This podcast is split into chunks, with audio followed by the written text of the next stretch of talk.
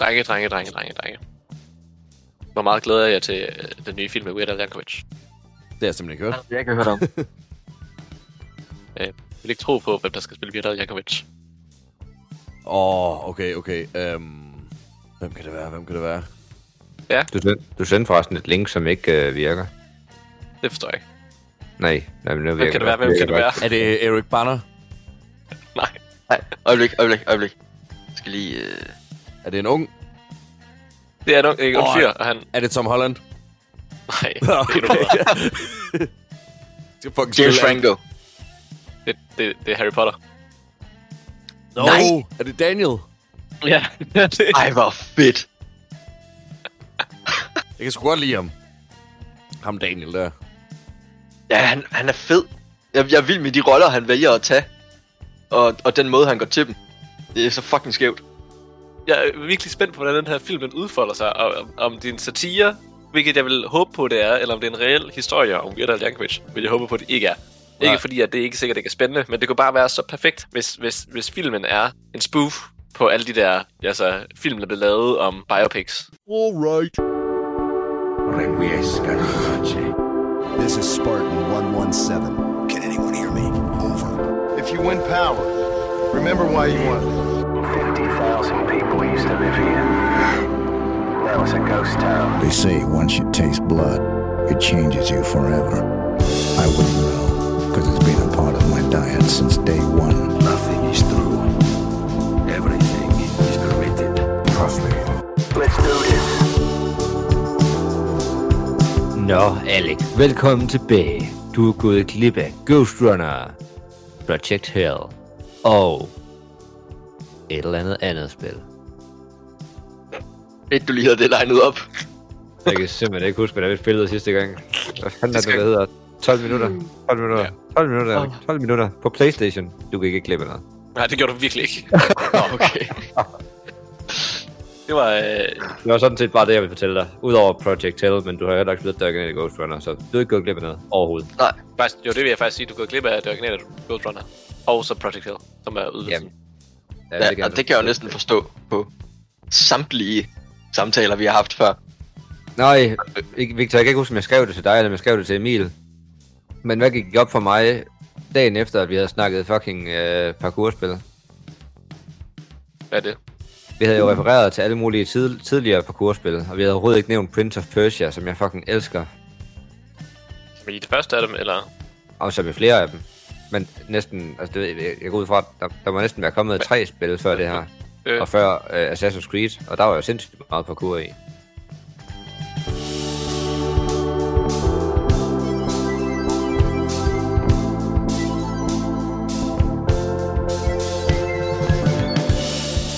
Velkommen til podcasten. Vi spiller videospil, som er en podcast, hvor vi er nogle venner. Det er altid elskværdige Alexander. Det er nogenlunde hyperaktiv Johannes, og så er det uden internet Emil. Der mødes over nettet og gennemgår samt diskuterer et spil fra ende til anden, til vi spiller nogle karakterer og snakker om, hvorvidt det kan anbefales eller ej. Og i dag, eller til i dag, så har vi spillet A Way Out. Nå ja, det er det, vi har spillet. Hvad er Simpelthen i tvivl. Hvem spurgte du? Jeg vågnede op midt i nat øh, med koldsved og, og tænkte, fuck, nu har jeg forberedt A Way Out. Var det Takes Two, vi skulle forberede? Jeg kunne slet ikke. Jeg var fuldstændig væk. var simpelthen op og nødt nødt til at tjekke vores messenger-tråd. Det var åh, godt, godt nok ro på. ja, men A Way Out er jo også lidt den, den så jeg har lyst til at kalde den spirituelle sådan, øh, forgænger til, til nej, men undskyld, It Takes Two er den spirituelle efterfølger til A Way Out. Ja, lige præcis. Både, øh, nu spillede jeg It Takes Two, før jeg spillede Way Out, så der var nogle ting i It Takes Two, som jeg på en eller anden måde havde kommet til at forvente fra A Way Out, hvilket et eller andet sted også ikke var helt fair øh, over for A Way Out, fordi jeg synes egentlig, at selvom at, at formularen er lidt den samme, så, og man godt kan sammenligne dem, så synes jeg, der er nogle, nogle, nogle elementer i et Takes 2, som ikke vil fungere i A Way Out, som, som fungerer rigtig godt i et Takes 2. Men for ligesom at, at sætte, på, sætte på banen, hvad det er for en spiller, er der nogen, der har lyst til at forklare, hvad A Way Out handler om, eller hvad?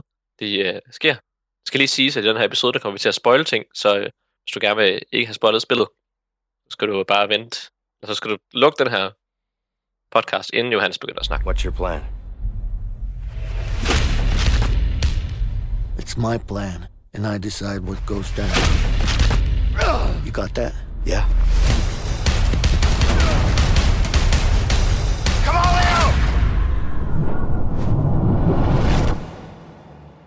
My name is Joseph Fares, and I'm the writer director of A Way Out. A Way Out is a story driven co op game. It is designed, played, and experienced only in split screen co op, which means you have to play the game with a friend, either online or on your couch. The game starts in a prison. You play as Vincent and Leo. You and a friend will get to know your characters and unfold their story together. You don't know anything about me, man. Maybe not. But Harvey killed someone very close to me. With or without you, I'm going after him. Let me show you some of the scenarios in the game.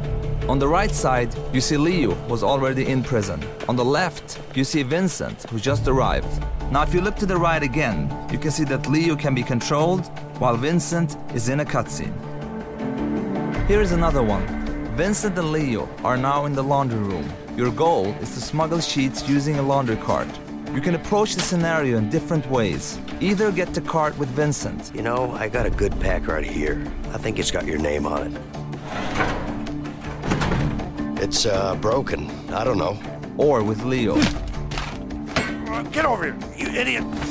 Yeah, but I think those two guys are just about to fight. Ah! What the? What? Who's him? In a way out, you will experience something new all the time. Everything you do in the game is unique for that scene. We want you and your friend to be focused and engaged throughout the entire story. But let me tell you, this is just the beginning of what you will be experiencing in a way out. Men det er, jeg vil bare lige starte med at sige, det er sjovt, at du, at du sammenligner de to, og så vil jeg bare lige fortælle, at, at grunden til, at du måske gør det, det er, fordi det er samme studie, der har, øh, der har lavet dem. Øh, fordi umiddelbart, når man ser på de to spil ved siden af hinanden, altså, så har de ikke noget med hinanden at gøre. Det ene, det er sådan et, et ret øh, sådan, øh, realistisk, øh, med, med realistisk øh, grafik. Et, øh, et øh, hvad hedder det, Prison Escape-spil. Og det andet, det er sådan et, et børnespil, hvor man kravler rundt i nogle træer sammen med nogle æren. Øh, og der er masser af farver og boing lyde. Og, øhm, så sådan ved første øjekast, så er det to vidt forskellige spil. Altså, nu ser du ikke noget med hinanden at gøre. Det, det, der er fælles nævner for dem begge to, det er, at de begge to er et sådan split-screen spil, øh, så, man kan, så man kan se på hinandens skærme. Og det er det også, når man spiller online, således at man kan se, hvad der sker, på hvem end man spiller på med skærm. Som giver en, en gimmick, fordi jeg synes, der, skulle, der er sådan en charme med det der split screen, og jeg kan ikke huske, hvornår jeg sidst spillede et reelt split screen spil, udover tilbage i SFO'en på Nintendo 64. Øhm, jeg har helt sikkert spillet det siden, jeg kan bare ikke huske det. Og, og det her, der har sådan lidt en fed charme i det, specielt i det her, fordi øh, det er ikke fordi spillet ikke sådan sidder og siger, at du skal skærmsnyde, men der er ikke nogen, der bliver sur på dig, hvis du sidder og skærmsnyder. Eller skærmkigger, eller hvad vi kalder det. Øhm, fordi det også er, er, er spændende at følge med i, hvad der sker på den anden spillers skærm, og nogle gange er det også ligesom en måde at løse de udfordringer, man bliver stillet overfor, ved at kigge på den anden skærm. Mm. Ja, især man kan sige, det- ikke også? ja. Det gør jo heller ikke noget, at man, at man gør det i form af, at det her spil, det er ren og skær samarbejde. Hele vejen igennem. Du kan, altså, du kan ikke spille det alene. Øh, og alt, hvad... Øh, al, alle ting, som man skal igennem, alle udfordringer og, øh, og sekvenser og den slags, skal udføres i samarbejde. Øhm, og nogle gange så, øh, nogle gange så er der, så er det den ene, der har teten, og andre gange så foregår det hele simultant. Så, så nogle gange, altså det er meget naturligt, at man også følger med ved hinanden, og, øh, og diskuterer, og, og morer sig over hinandens uduligheder og den slags. Og den ene karakteres store næse. Ja, nu, der, der synes, at det skal vi måske lige passe på med, eftersom han er jo trods alt er modelleret efter øh, stemmeskuespilleren. Er det Fares Fares, du synes har en, øh, har en stor næse? Det er faktisk mig, det er faktisk mig selv. Er det faktisk dig selv? Jeg synes, han, Okay. jeg har en stor næse. Så det var meget passende, det var mig, der spillede den karakter. Mm. Det er fandme at de identificerer sig med karakteren. Det var en af grundene til, at jeg valgte, valgte vedkommende. Det kan jeg, jeg sad og spillede sammen med Johannes, og så Johannes han sad, "Hvem- hvem vil du være? Johannes havde spillet spillet før, jeg havde, så han lige var klar over alt, hvad der skulle ske. Så kunne han vælge sin karakter ud fra det. Øhm, og så øh, spurgte han, hvem jeg er, dem jeg gerne vil spille, og så var det vidderligt. Ham her, han har en lige så stor næse som mig selv. Så jeg tænkte, ham vil jeg gerne spille. Øh, ja, men, men sådan i forlængelse af det, så er det jo den, ja, som I sagde, altså det er jo den ultimative split screen oplevelse.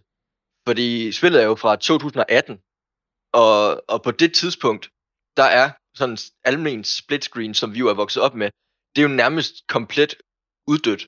Der er jo nærmest ikke nogen spil, som, som øh, ja, lægger op til det længere, og øh, som overhovedet leverer den mulighed. Og, og det er som om, det her, det kom som et, øh, ja, direkte oprør mod det. Altså, hvor, hvor altså, det her, det er, ikke, det er ikke engang en mulighed at køre den single eller online med, med øh, 100 andre spillere eller noget. Det her, det er direkte to mand split screen, intet andet. Og det, det havde mig bare fra starten. Altså, det... Hæft, jeg synes, det, det, det er fedt. Ja, og det er fedt, man kan gøre det, altså, at man kan gøre det online. At man kan sidde med sin kammerat der, i den anden ende af landet og, øh, og spille spillet sammen med vedkommende, som et split screen spil, uden at man skal tage toget eller køre i bil eller lignende. Det synes jeg er ret nice. Det synes jeg giver en, en ret fed, altså, det, det er en ret fed gimmick at, at spille rundt om, fordi altså, det kommer ikke til at erstatte at sidde ved siden af hinanden, men man, man har lidt den samme fornemmelse, når man, når man sidder og indlever sig i, i spilsituationen. Så for Øhm. ligesom at, at, at, at, ja, at understøtte det endnu mere, så, øh, så er de også valgt fra studiets side, at selvom man jo er to spillere, så er der kun en, der skal eje det, for at man Ja, begge det kan spille det. Hvilket bare er, er, er et sindssygt fedt initiativ. Øh, til ligesom at, at sørge for, at folk de skal skulle have den her oplevelse her. Det, Ja, ja, de det, det, spille det synes det. jeg bare er, er fedt fra, fra studiets side. Ja, det er en, det er en, det er en god attitude, fordi ja, du ved, der er sådan et Friends Pass, som man kan downloade, øh, tror jeg det hedder. Eller også hedder den trial version, eller et eller andet den stil, hvor du, ikke, du kan, du kan det ikke gøre noget, når du åbner spillet, udover at blive inviteret af en kammerat, sådan at du kan spille sammen med vedkommende. Og kammeraten skal så eje spillet selvfølgelig, for at man kan spille det. Få det til at lyde så fedt. Det kan Eller det er fedt. Blive inviteret af en kammerat. Det er sådan, ja, det det vil jeg er gerne. fucking fed, jeg vil gerne invitere sig en Har der sket kammerat. noget mere? Altså man kan sige, det er måske også det, altså det virker jo som det logiske, at jamen selvfølgelig, det er jo et spil, som kun kan spille til to. Det giver det jo ikke mening, at altså, men, men jeg tror bare, jeg synes bare ikke rigtig øh, at kunne huske, at jeg har set det her før. Når du har den her type her, så øh, synes jeg da, at huske, at det typiske, det er, at, man, at begge skal betale for spillet, eller altså den slags der, Mm, uanset hvad. Jeg synes bare, det var en, en ekstra lille detalje. det er fedt. Det er god service. Er der andre af jer, der ejer det? Ja, jeg ejer det. Okay. Jeg har spillet det med tre forskellige. Så jeg, Ja, altså, samme jeg, her. jeg har faktisk spillet det igennem tre gange. Ja, Skal jeg det så, tror, øh, at- at- da at det Alexander, eneste- da du spillede det, så havde du så også spillet sammen med Emil. Ja. Det passer perfekt med, at jeg så har spillet sammen med Johans. Jeg har også spillet det med Hans. Jeg mangler Ja, bare at spille det- det med det dig, jeg Victor. Nå, så kan du, så skal du Så er jeg fuld plade. ja, så er der bingo. Og så med mig selv til sidst, så, uh, så, så er det på hard, Du kan have controlleren i den ene hånd, og så Ingen anden. Jeg tror, Ja. en af de eneste noter, jeg har skrevet, det var også, at efter tredje gennemspilning begynder jeg at finde nogle småfejl rundt i omkring i spillet. Men det var, altså, jeg har allerede glemt, hvad det var. Så, så store fejl har der ikke været. Ej, det kører utrolig godt, synes jeg. Ja, jeg sad også lige sådan og, og, og tænkte tilbage på det, og jeg kan ikke rigtig huske nogen oplevelse af box. Sådan umiddelbart. Jeg, jeg tror måske, det eneste, som sådan har, har dukket lidt ud hver gang, jeg har spillet med nogen over netforbindelsen, det er, det er måske lidt en spoiler, men når vi når til ude for, for fængslet, og man skal flygte med hunden bag sig, så skal man springe fra sådan en klippe. Og jeg tror, det var da jeg spillede med dig, Emil, første gang, at der var sådan en glitch med, at, øh, at når vi ser Ja. hinandens skærme, så er det som, at vi begge to har forsinkelsen. Så ja, man skal sådan, øh, begge to have en knap inden, for at strække sine hænder ud, for at, at gribe hinanden. Og på min skærm, der, der falder personen ned i vandfaldet, og jeg så sådan, nej, nej, pis, vi nåede det ikke. Og Emil var sådan, vi nåede det der. Og så, og så glitcher den lige op til at ryge op på kanten. Det er så fucking sjovt. Ja. Åh, det, er for, det, er, det er ikke flot beskrevet, det ved jeg godt. Nej, men, men de er det- uundgåelige det- sådan nogle. Det er uundgåelige sådan nogle glitches. Men, men, men Men- det er men sket det var konsekvent. Altså, det er, det er bare en del af spillet, den glitch der. Men det gør ja, det er jo bare et ikke spørgsmål om det, det gør virkelig internetforbindelse, ikke? Fordi hvis den ene, den ene når det, og det har den bedre forbindelse, det er måske også dem, der er, er, er host, og den anden ikke når at, at se, at de når det, så er det, når hosten ligesom fortæller, at de nåede det, så bliver det bare indhentet. Det er jo, sådan er Mm. det når med, med desyncs. Det sker øh, hele tiden i alle spil. Det er bare meget tydeligt i det her spil, kan jeg så forstå. Jamen, det, var kun, det er kun i det område der, eller det er i den uh, sektion der, hvor jeg synes, det er tydeligt. Ellers så lægger jeg stort set ikke mærke til det overhovedet. Fordi, og det, det er en kæmpe rus, fordi at noget, der skal forbindes på den måde over internet, så synes jeg, det er utroligt, at der ikke er en større delay på, hvis man sammenligner med PlayStation Now eller andre streaming-spil, hvor der er kæmpe forsinkelse på, synes jeg, så er der stort set ikke noget her. Men øh, Emil, du var ved at fortælle, hvor vi startede for et kvarter siden. Ja, øh, men ja, vi, vi starter op i et fly, hvor vi møder vores øh, to hovedkarakterer. Og det er også der, vi vælger, hvem vi vil spille. Vi kan se, at de sidder over for hinanden. Og når vi så har valgt, hvem vi vil være, vi kan vælge mellem øh, Leo eller Vincent. Og, øh, og så begynder de at sidde og snakke sammen op i det her fly. Og det er så et... Øh, hvad, hvad, hvad, hvad, hvad kalder man det? En medias race. Er det ikke, hvor, hvor vi starter ligesom midt i det hele, og så kommer vi tilbage til begyndelsen, hvor at de ja. møder hinanden i fængslet. I Man spiller lidt fængsel. ligesom, spiller som et flashback. For det meste af det. Og det er jo vi- virkelig bygget op som en, altså filmisk. Altså det er som, som om, at nu skal vi se en film. Fuldstændig. Øh, lægger det op til fra starten. Og det synes jeg, den leverer ret godt. Ja, så, så synes jeg, det var meget fedt, at spillet det kom ud i 18. Jeg tror, mig og Emil, vi også spillede det i 18. At uh, du har den her scene med, med Leo, der er på vej ind i fængslet, og Vincent, han er allerede derinde. Og så kan du sådan følge med på skærmen. Uh, det er den sjove ved splitscreenen, det er, at når det er, at der sådan er noget, du skal have fokus på, så bliver splitscreenen lidt større for den ene karakter, og mindre for den anden. Hvilket jeg synes, det var en meget fin effekt. Uh, og så når du følger Leo ind i, øh, ind i det her fængsel, så skal man altid spules ned med en slange, og det var så dejligt, at man lige sådan kan pande kameraet, og så se hans store slong ned mellem benene, ikke? Puha, det har man ikke set i mange spil før. Det, det skulle da lige nævnes, tænker jeg. Øh, og, og, og lille note, du byder lige rundt på navnene. Det er Vincent. Nå, det... Altså, der, og der- der vil jeg lige sige også tilføje til det, at jeg øh, op i hovedet, når jeg tænker på dem, så bytter jeg altså også om, om på dem hele tiden. Og jeg har gjort det i... Ja, i, alle, i alle tre øh, sessions, hvor jeg spillede det, så har jeg set dem omvendt. Det er som om, de har fået hinandens navne, og det er simpelthen så irriterende. Ja, men det skal jeg nok gøre nogle flere gange. Men øh, fair nok, det er så øh, Vincents øh, slong, hvis jeg... Og de begynder så at bond inde i øh, fængslet, og de kommer til at bo lige ved siden af hinanden, og øh, de finder ud af, at de ligesom bliver, altså, de begynder at blive kammerater, de er, den, de er røget ind i fængslet af den samme årsag, eller hvad, hvad skal man sige, der er den, der så ligesom bliver udstillet som den onde i spillet, som så også er motivation til, eller blandt andet er motivation til, at de begge to så gerne vil ud af fængslet. Øh, så derfor så bonder de over, at, at de spiller ham, der er den onde. Harvey. Har vi, yes. Har vi. Han har snydt dem begge to på en eller anden måde. Øhm, for, for Leo, så er det, at øh, vi har stjålet sådan en diamant, de vil sælge, og så snyder har vi så Leo i, øh, i, i da de skal sælge den. Og øh, vi har slået Vincents bror ihjel, og øh, så har Vincent så fået skylden for det. Og så er de begge to kommet ind på grund af Harvey, og de har meget begge to sådan en hævn byrde over for, øh, for Harvey. Så de øh, aftaler, at de skal slippe ud. Og så øh, spiller man ligesom deres plan for at, at slippe ud af, af fængslet. Hvor der er konstant er sådan noget teamwork, man er nødt til at, at gå igennem. Øh.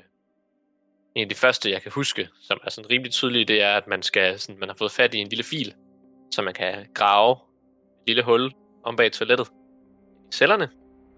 Og så øh, det skal man jo så ikke blive, man skal ikke blive opdaget, mens man gør det. Så øh, man, øh, den ene, der står så holder vagt, for om der er vagter, der patruljerer forbi, mens den anden så graver i toilettet, og så når vagterne kommer tæt på, så er man nødt til ligesom at stoppe og fortælle hinanden, at vagten kommer, og så bytter man så den der fil hen til den anden. Og så, du ved, der er sådan nogle ting, hvor man, det der hele er ideen, fordi i princippet, et eller andet sted, er spillet egentlig bare bygget op om minigames. Selvom der også er minigames i minigames-spillet, men den måde, at man skal, man skal klare opgaver, er ofte sådan en frem og tilbage. Ja, altså en, i virkeligheden en utrolig simpel opgave. Den ene står og holder øje. Når politibetjenten kommer tæt på, så kan man vælge at snakke til ham og distrahere ham, mens den anden ligesom filer videre, og så må man selv bedømme, øh, hvor lang tid man tør file videre, og hvis ikke man klarer den, så kan man starte forfra. Det er også ret tilgivende på den måde.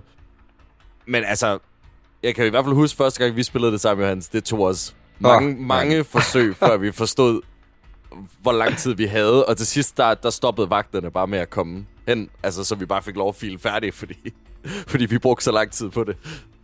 Jamen, jeg, jeg, jeg har også stillet spørgsmål til, hvilken sindstilstand vi var i, da vi spillede det spil der. Fordi at der er mange sekvenser i det spil her, Emil, hvor der vi har brugt 45 minutter til en over en time på en opgave, der skulle have taget 5 minutter, 10 minutter. Men jeg, jeg, tror, jeg, jeg tror, en del af det her spil, det handler om at, at være god til at koordinere. Og hvis ikke vi lige... Jeg tror simpelthen ikke, vi var tunet ind på hinanden, der da vi sad og spillede det. Altså, fordi normalt så sætter vi os ned, åbner et eller andet skydespil, og så kører vi hvert vores race, imens vi sidder og råber og skriger, ikke? Her, det, det kan vi ikke bare gøre. Vi bliver nødt til at holde øje med, hvad hinanden laver, og snakke sammen, og sådan nogle ting. Så det var bare... Det var sådan en... Hvad kan man sige? Sådan en tillidsøvelse på en eller anden måde. Og vi, vi skulle simpelthen lige tunes ind på hinandens kanal. Og øh, ja, så, det var, det var den første udfordring i det her spil, og jeg synes, det var virkelig morsomt. Altså, ja, det var sgu meget sjovt og meget simpelt. Udover det, så, det mini, så et par af de minigames, der har været indtil videre, det er, sådan, de er meget undervældende i forhold til et Takes Two, for det har været sådan noget som i, at du kan stå i et uh, trænings område ude i gården, og så kan du tage dips, og så kan jeg se, om der kan tage flest og sådan noget, og det foregår bare ved, at du spammer en trigger, som mange af de her minigames bare gør. Det, er det er lidt stenet. Ej, men jeg synes, at der er nogle af de minigames, der, der kommer senere, der er ret sjove. Ja, som at spille dart og baseball. Ja, altså bare lige for sådan... Altså, Og- man, skal, man skal samarbejde hele spillet igennem, sådan set. Men så en gang imellem støder man på øh, øh, nogle spil, der står rundt omkring. Nogle gange er det nogle arcade-maskiner, så kan man battle, eller man kan spille dart, se hvem der får flest point, eller sådan nogle ting. Så det er meget sjovt, at man, man kan godt spille mod hinanden, men det er ligesom mere valgfrit. Og, ja. og det, det er meget sjovt at rende rundt. Men man kan også for eksempel, man finder et klaver og en banjo på et tidspunkt, og så kan man Ja, sådan Guitar Hero battle mod hinanden, og det er voldsomt svært. Ja, Det er fucking sjovt. Ja. Og hvis, det er, at du, øh, hvis du holder den der tune med at ramme tasterne begge to perfekt i et stykke tid, så spiller de sådan en lille, lille sang sammen. Så paner det sådan ud, og så, så sidder de bare og spiller. Det er meget fedt. Det prøvede mig og Victor først på den nemmeste, og så bagefter på det sværeste, tror jeg, hvilket vi brugte et kvarter på. Fuck, det var svært. That's good. That's good. That's really good. Yeah, right. Yeah, come on, Vincent.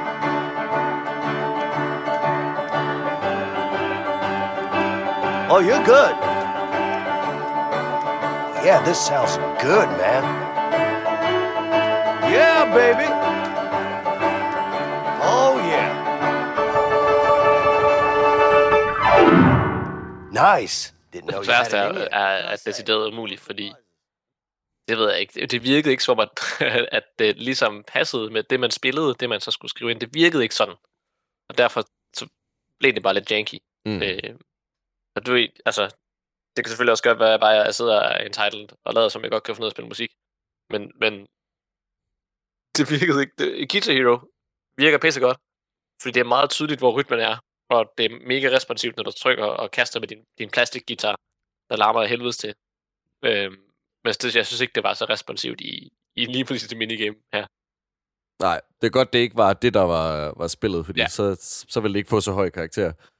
Men, øh, men ja, jeg synes, jeg var faktisk overrasket over, hvor meget energi de havde lagt i alle de her små spil. Jeg synes, det var ret sjovt. Hvis man ellers kan, hvad kan man sige, løsrive sig fra, fra øh, altså, hvad kan man sige, fra formålet et øjeblik, fordi man er sådan på farten, og man har en, det, det er også en ting, jeg gerne vil rose spillet for, ikke? Man får ligesom sat, sat det her, øh, sat historien i gang ved, at vi har den her fælles fjende Harvey, ikke? Og, og, og det er det, der driver vores hovedkarakter, og det, det er ligesom, hvad kan man sige, målet igennem hele spillet. Og, og hvis man ellers lige kan sådan sætte det på pause et øjeblik, og så bare rende rundt og rundt og prøve hatte og altså, hvad man ellers kan, spille, spille basketball, og, altså, man kan alt muligt, som ikke har noget med historien at gøre. Og det kan jeg i hvert fald huske, da vi spillede det første, Johans. Vi var sådan, nej, vi skal bare videre. Åh, hvad sker der i historien? Det er mega spændende. Og, men ja, så, så jeg, jeg, synes, det er ret hyggeligt. Men, men det er også, det er også sådan, man, man, man vil bare gerne videre i den der historie. Men det, det ja, jeg synes, de har balanceret det, balanceret det fint. Men vi kan lige fortsætte lidt med historien. Vi, øh, vi er inde i fængslet, og, og vi, vi har aftalt, at vi skal bryde ud sammen. Og så finder vi ligesom på... på øh, vi, vi får noget arbejde, vi skal op og smøre noget tjære på et tag, for eksempel. Og så skal vi samarbejde med at distrahere nogle vagter, hvor man skal op og hente... Øh, hvad er det, man skal hente der? Det er, en, det er sådan en... Øh, Han har, han, har, han har fået fat i en fil, som han har lagt ud af et vindue, og det er derfor, det de sådan, gerne det vil er? have jobbet optaget. Ja. Og så er der alle mulige øh, små opgaver derinde. Så er der for eksempel, at man skal ind og øh, man har fået en chance med at vaske tøj. Og så er der den ene, der skal gemme sig nede i sådan en vogn og skal ind og kravle op i en vent øh, og lægge den der øh, fil. Eller nej, jeg kan faktisk ikke huske det. Hvad fanden er det, Nej, man skal på, det, på, det, på, på, det, på det tidspunkt i vaskeriet, det er fordi, de bruger filen til at fjerne de her toiletter herinde i deres celler. Og så kommer de ud på en lang gang, hvor ude for enden af en lang gang, der skal de bruge et, øh, et kort fortalt, et ræb, for at komme ned for enden, for at komme videre, for, for at finde en vej ud. Og det her, i stedet for et ræb, der finder de så et, øh, et vindue ned til vaskeriet. Så du kommer ind på vaskeriet, fordi at så lægger du en masse laner deroppe i skakten, sådan at du kan binde dem sammen, og så bruge det som et ræb. Sådan at du kan komme det videre i øh, aftenen efter. Oh yeah. Meget sådan stereotypisk Ja, for, men- øh, for, for Pris- Prison Escape. Ja, ikke? Men, men det er også det, det er jo ikke, altså, lige, der er mange af de her sekvenser frem og tilbage, hvor det er sådan lidt trial and error sådan over nogle dage, hvor så når de et vist stykke, og så siger de, ah, nu kan vi ikke komme videre på grund af det her, vi må skaffe det her. Og så skipper vi til næste dag, hvor okay, nu har vi en sekvens, hvor vi skal ud og skaffe det her. Og så kommer, så kommer vi lidt videre, og så og sådan, sådan kører det frem og tilbage. Jeg tror, en, jeg tror at de, de gør det vel over en tre, dage, tre dages tid, eller sådan noget. Øh, Ja, indtil de så slipper, rent faktisk slipper indtil, ud. ja, lige præcis. Men også sådan, tempoet er ikke øh, mega højt, men alligevel lagde jeg mærke til, i hvert fald Ja. til sidste gang, jeg spillede det her, at de spilder ikke rigtig tid. Altså, man, når man har gjort det, man skal, så går skærmen i sort, og så vågner man ligesom op der, hvor man skal det næste. Der er ikke sådan noget med, at man skal Ja. spille tid med at gå tilbage til cellen hele tiden. Fordi det, det synes jeg, jeg har prøvet i mange spil. Det der med, at man er sådan, ja, nu... Altså, vi, vi, vi skal ikke selv finde vej ind i det her fængsel. Vi bliver ligesom øh, anbragt forskellige steder, så skal vi klare en opgave, og så er det videre. Så det er sådan, det er rimelig, det er rimelig snappy, og, og Det så er rimelig kommer... lineært. Ja. Du, du får lov til bare at spille historien, der bliver fortalt dig. Og det er Og det- Det er det, rigtig dejligt. Ja, men det er også fordi, det tegner tegner direkte ind i det der med, at det er en film, vi ser. Ja. Altså, Ja. ja. i og for sig, det- det er sgu meget, nu er der en scene, klip til ny scene, klip til ny scene, og det, og, og det går bare rigtig godt i tråd med hinanden, og det fungerer pissegodt i forhold til at drive os fremad. Ja. og, og, og, Og det- og det- plottet det bliver giver- hele tiden tykkere og tykkere, fordi man finder ud af, hvorfor der er forskellige grunde til, igen for ligesom at, at, at understrege det filmiske. Det er ikke bare sådan, man får plottet i starten af spillet, og så kører det bare. Der, hele tiden så bliver det altså, mere og mere tydeligt med, okay, men der, der er flere grunde til, at de gerne vil ud af, af fængslet. Vi har Leo, der gerne vil ud til sin familie udenfor. Han har været sammen med den samme kvinde i mega mange år, og har også et barn med det, og det er mega ærgerligt, at hans, altså, barnets far har været i fængslet nærmest hele barnets liv. Så man begynder ligesom at sympatisere med, med Leo der. Men Vincent, han har en gravid kone derhjemme, og vil rigtig gerne være der, når, når konen skal føde, og gerne være der for sit barn. Og man finder yderligere ud af, jamen, okay, der er flere, der er flere lag, der, der ligger så oveni her. Med, med, altså, Vincent, der har været meget sådan distanceret fra sin kone i, et- i et stykke tid, og øh, der er bare virkelig mange lag, der bliver bygget ovenpå, så man får mere og mere sympati. Man lærer ligesom sin hovedkarakter meget mere at kende, og man begynder at føle, okay, hvem er de her mennesker? Man begynder faktisk både at spille spillet, fordi man gerne vil spille spillet og se, hvad der sker, men også fordi, at det havde jeg i hvert fald, en meget tydelig bånd til begge mine hovedkarakterer, fordi man kan forstå deres, for, altså deres øhm, Motivation og deres fremgang. motivation og deres lyst til at, at nakke Harvey. Ja, men jeg, jeg, jeg kunne også allerede bygge videre på det, du siger med flere lag, fordi at, øh, Leo han snakker med sin kone på et tidspunkt, og der fortæller hun lige sådan en hurtig en bemærkning, at sin søn stadigvæk tror, at han arbejder for hans bror i Italien, eller whatever. Og når de så flyg, flygter fra, fra fængslet, så ser du så så lægger drengen så mærke til, at der er et tryk af hans far flygtet fra det her øh, fængsel her. Det synes jeg var, det ved jeg ikke, det havde jeg ikke lige mærke til de andre gange, så tænkte jeg ikke over det. Jeg synes bare, det var utroligt fedt, hvilket også øh, forklarer, hvorfor det er, at drengen han er så distanceret, når det er, han ser hans far igen, fordi han er slet ikke, øh, han får lige pludselig et andet syn på ham. Og jeg synes, det var meget in your face. Ja. Ja, okay. Men, øh, Men øh, jeg, jeg kan i hvert fald huske bare, at vi, at vi, øh, vi tænkte, hold kæft, den dreng der, han skal bare jorde os i basketball nu, fordi han er sådan, nej.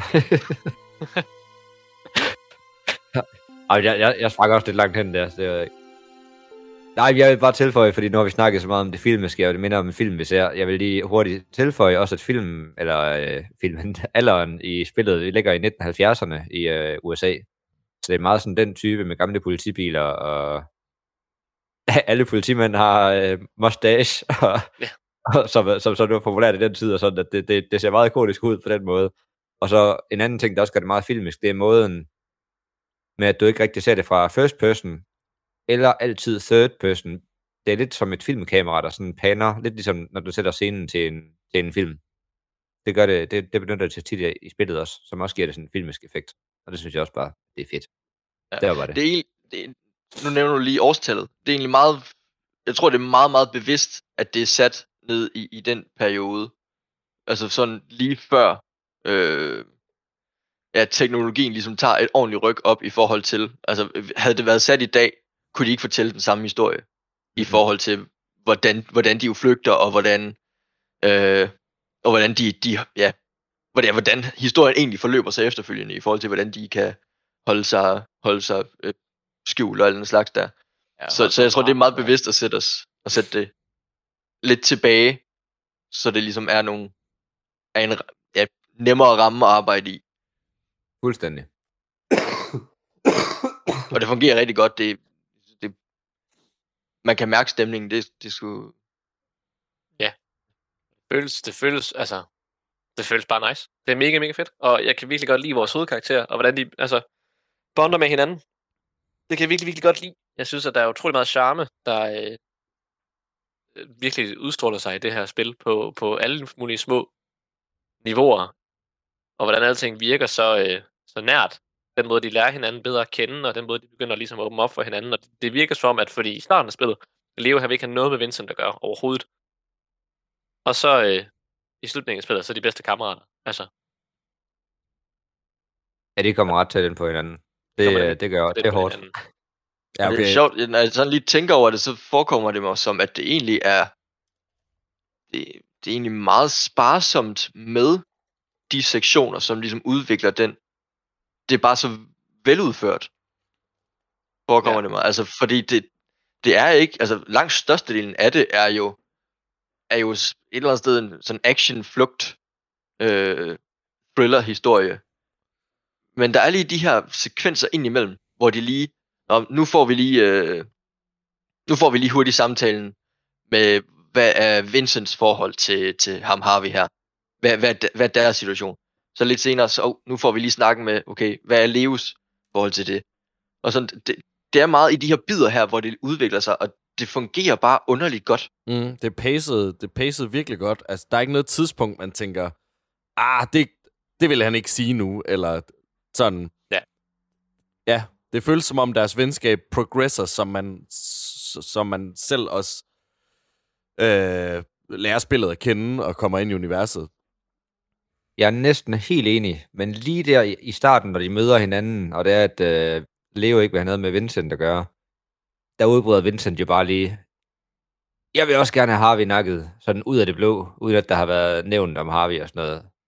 Og fordi at det minder også så meget om en øh, film fra 70'erne, der, der tænker jeg det med det samme. Det er lidt suspekt, det der. Og så fejrer han det lidt bort med rygter inden for, for fængslet.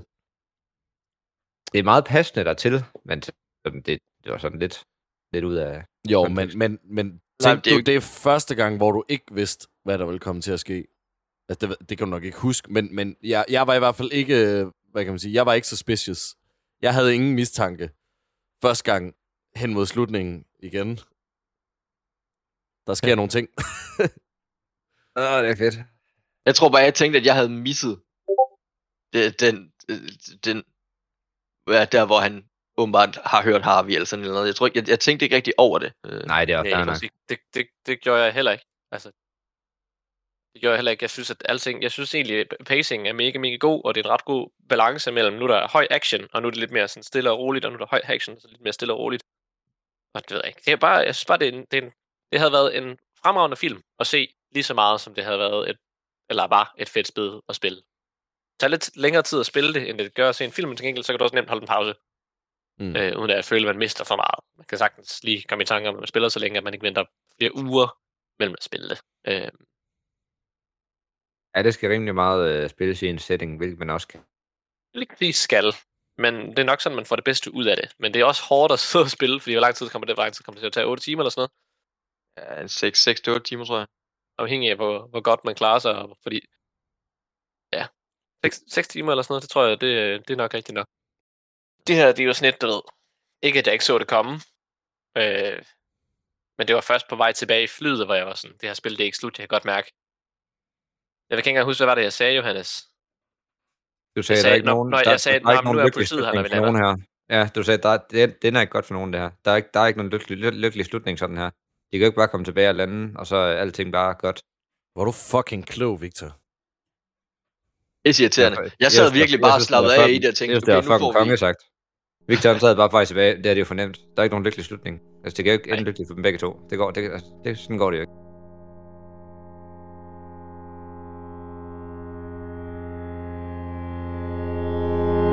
På et tidspunkt, når vi er kommet ud af fængslet, og så videre, så kommer vi til en lille sektion på et hospital. Og det er nok det fedeste sted i hele spillet, synes jeg.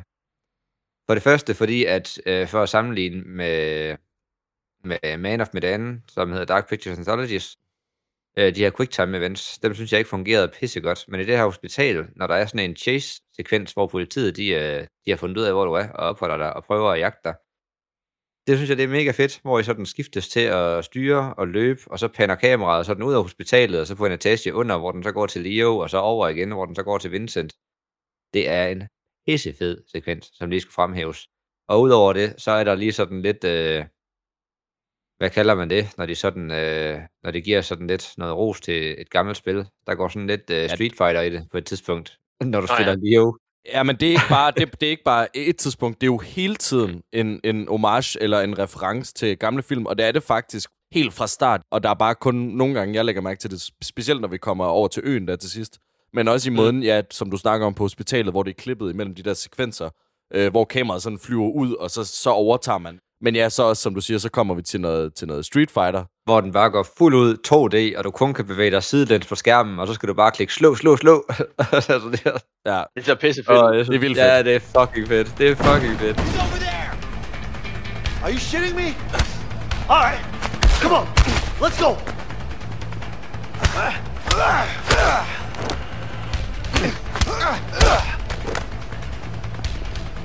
You wanna fight? Let's fight!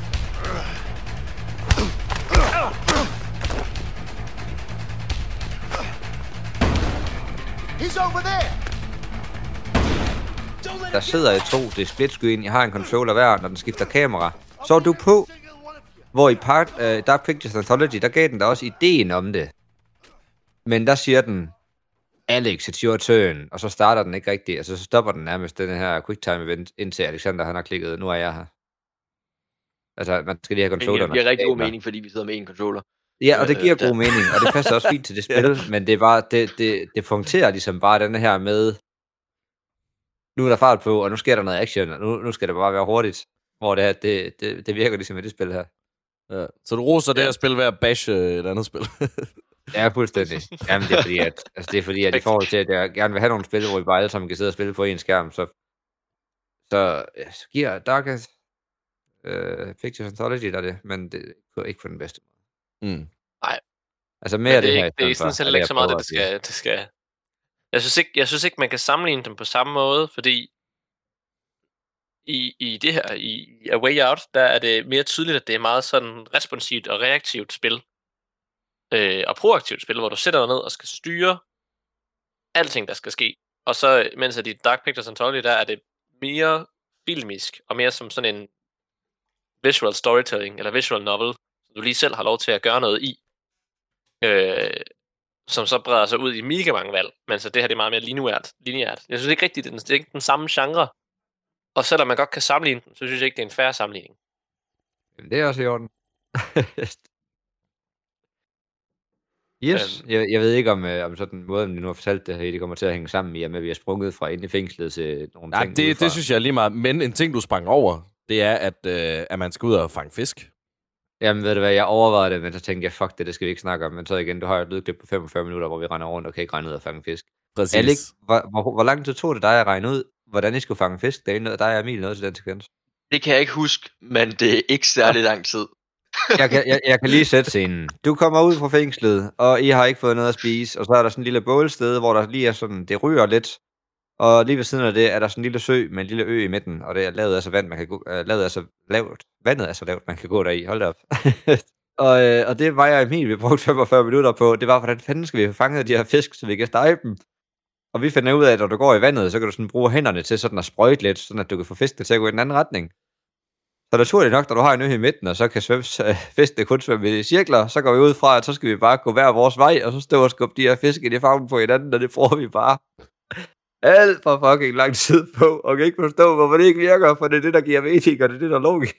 Det er, når, det, man, når man lige fanger et postligt spil og tænker, det er sådan, at det skal løses, så sidder den tanke bare fast, og når du så finder ud af efter en time, det var slet ikke sådan, det skulle køres, så er man verdens største idiot. Ej, det tog Men det var 45 også- minutter, nu tager det en time. Jeg, jeg ved ikke. Uh, Måske var det 10 minutter, men ja, det var i hvert fald, det var i hvert fald sådan småpsykotisk. Det føltes i hvert fald alt for lang tid, og vi grinede af det i alt for lang tid. Vi grinede, og vi grinede, og vi grinede. Ah, Og vi griner stadig. Ja, og det var flere år siden. det var kun fire år siden. Er det fire år? Holy shit, ja. Åh, uh, shit, mand. Det var fandme dumt. Okay, jeg skal splash Who water wants to til sleep dig. outside on the cold, hard ground when you got a perfectly good bed at home? In a nine Yeah, room both with of that. bars, though. Well, you got that right. But seriously, though, why risk it? Risk what? Wild animals, bugs, no civilization, no Svømmer de toilet forbi paper. dig? Fresh air, no one bugging you, cooking over a fire. It ain't all Ja, bad. nogle. Maybe not. But still, Kan du ikke no fange dem, toilets. Well, that's the charm Det with it. giver ingen mening, det der. Nej, jeg skal også splash. Light fire, catch one fish. Nå, men skal vi ikke prøve at få dem op på, op på land? Så hvis du splasher to sekunder. Vi prøver at få dem op på land derovre, hvor du er nu. Så du skal sørge for, at de ikke kommer forbi dig igen, dude. Virker. I spear Jeg prøver lige this. craft spear. Nå, du prøver lige at crafte et spear alligevel. Fordi så tænker jeg, Det kan være, at det var en god idé. Almost there. Det kunne være meget sjovt, at lige havde brugt en halv time på at prøve at finde ud af, hvordan fanden man I gjorde. to get some firewood. Nå, fuck, hvor er jeg dum, mand. Har du læst, hvad der står deroppe? Ja, det er jo det, jeg har gjort, for helvede. Hvordan tror du, jeg har fået et fucking spear? Just a little more. Nej, har du læst, hvad der står deroppe? Jeg troede, jeg har læst catch one fish. Ah!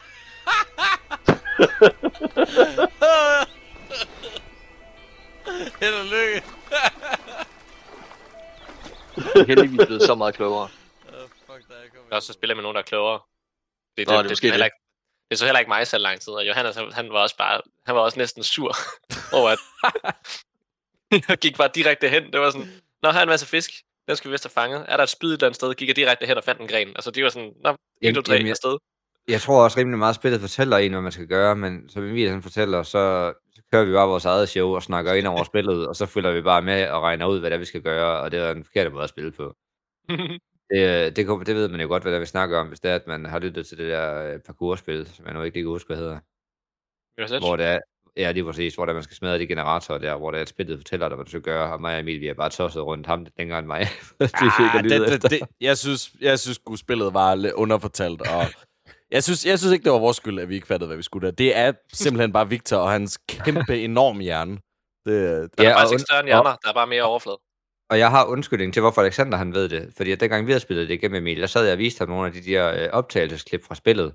Og jeg er rimelig sikker på, at jeg viste ham den sektion der. Så det har været hans, under, det har været i hans underbevidsthed. Han, han kunne bare ikke huske det. Yes. Så, øh, Men det, det, er jo, det er jo godt, vi får hævet jer op på en, på en pedestal i blandt guder nu. og her det, sidder det gør vi ikke, godt. Vi trækker bare dig ned i pøblen sammen med os, hvor Victor, han kan godt få lov til at være deroppe, fordi han kan bare det det er fint. det, det er fint. Jeg er en mand af folket. I spillet, der øh, hen mod slutningen, der udvikler det sig til en, en shooter. Og Ja. ja. nu du, kan vi bare lige snakke om det, uden at spoil. Og bilsekvens mangler vi. Den kommer efter. Ja, der er flere, der er flere bilsekvenser. Der er, mm. der er den, den gamle spand der, som vi stjæler fra, fra de gamle mennesker, og så, og så kommer der... Ja, altså det, det er, som sagt førhen, det er referencer til vildt mange spil og film, og det bliver jo bare, altså i hvert fald, i hvert fald den tydeligste for mig, det var Scarface. Ja, 100 procent. Sådan med Nå, det, med det ja, hele, ja. med jo. udtryk og med musik, og det er lige før han siger, Jamen, jeg- Say hello to my little friend! Ja. Ja, jeg, jeg, jeg, jeg, sagde det også til Victor, dengang vi kom derind, og så sagde han også Scarface. Det tror jeg faktisk også, jeg ville klippe der. det var, det var fucking godt. Prøv lige at, at, at visualisere Harvey. Så er det, øh, han er nede i Mexico. Øh, rig, hvid mand i hvidt jakkesæt med guldpistoler. Jeg kan ikke huske, om der er hvidt jakkesæt på. Det var sådan, han ser ud af mit hoved i hvert fald. Han ser også sådan ud i mit hoved, så det er fint.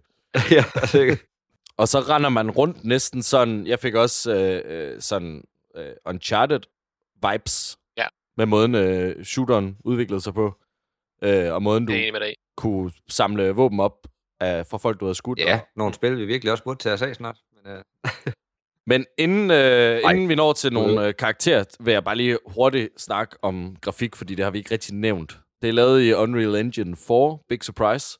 Og det ser jo egentlig, øh, jeg synes sgu, det ser ret godt ud. Jeg synes ikke, at på noget tidspunkt fik jeg et wow over grafikken. Ikke på noget tidspunkt, men der var heller ikke på noget tidspunkt, hvor jeg følte, at jeg blev hævet ud af det, eller noget. Så jeg synes ikke, at det var sådan, wow, flot, men på intet tidspunkt synes jeg, det så dårligt ud heller. Øhm, der så på også den lyst måde, til så har jeg, fakt- jeg har ikke noget dårligt at sige om det. Jeg, grafikken var der bare, og det lignede et spil fra 2018. Altså, det, det, hvis, hvis man er lidt, øh, hvis man skal være en lille smule urimelig, og, og sidestille det med, med andre øh, spil, som går efter den samme, kan man sige, æstetiske udtryk i forhold til det her, den realismen her, øh, som, som ud, også udkommer i 2018, så er det jo sådan noget som Red Dead øh, Redemption 2, øh, og blandt andet, og God, God of War og sådan nogle, den, den er op imod. Og, Ja, det er fandme Ja, uretfærdigt, det Alex. Ja, Ja. det er nemlig pisse uretfærdigt, og de kommer jo også med et helt andet budget, end, end, hvad, end hvad den kommer med. Og jeg synes, at i forhold til, hvad ressourcer den kommer med, og at det er i Unreal øh, 4, at ja, den, den, den leverer sgu meget godt. Altså, den, den, den leverer ikke samme wow-oplevelse, som, som vi nok også forventer fra, fra sådan nogle store øh, øh, AAA-titler der. Men, men at den leverer det, den gør, synes, og, og at det synes jeg sgu er, er, er prisværdigt. Altså, fordi den, ja, jeg, jeg, der, der skulle kun lige noget med, med nogle mundanimationer øh, Ja. indimellem, som jeg havde det lidt stramt med. Men derudover, så var det sgu fint nok.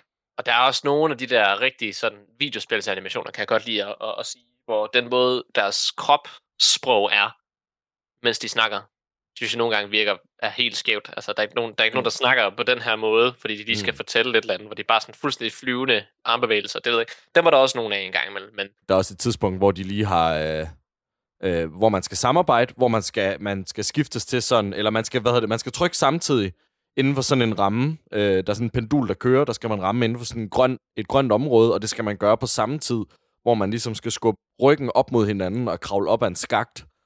Og der er også på et tidspunkt, hvor de lige sidder og har en man-to-man-snak der. Øh, sådan nogle tidspunkter. Der, der er sådan nogle ophold i spillet lige så stille, hvor vi får mere og mere eksposition. Og jeg kunne godt forestille mig, at de sekvenser var, var mocappet. Apropos den sekvens, du lige nævner der, der er, der, der, der er det fucking irriterende, når de sidder oppe på toppen, og de så finder ud af, at de bliver nødt til at gå hele vejen ned igen. Og så paner kameraet hele vejen ned med, ej, nu skal de til at komme ned igen, og de kan kun gøre det back to back. Og hele vejen ned på det vej, den skak der, der hænger der et rør på venstre side, de kunne bare kravle op og ned af hele det rør der. Mm. Det, det irriterede mig så pisse meget. Og nu vi er de ved de ting, det, det ud. det er, jo, det er jo sådan en klassisk computerspilstrope, det der med, at der ligger, der ligger en lille, hvad hedder det, træstup på jorden, og så bliver de nødt til at finde en ny vej for at komme udenom, eller sådan et eller andet. Og det er der også i det her spil, specielt hvor man går ned ad sådan en snæver vej, ned ad en, sådan en, en bjergside, eller, eller øh, du, man skal ned til, til den der å, der hvor vi skulle fange fisk. Og der kommer vi på et tidspunkt til en, en væltet træstamme, som man helt tydeligt, uden tvivl, bare vil kunne træde henover.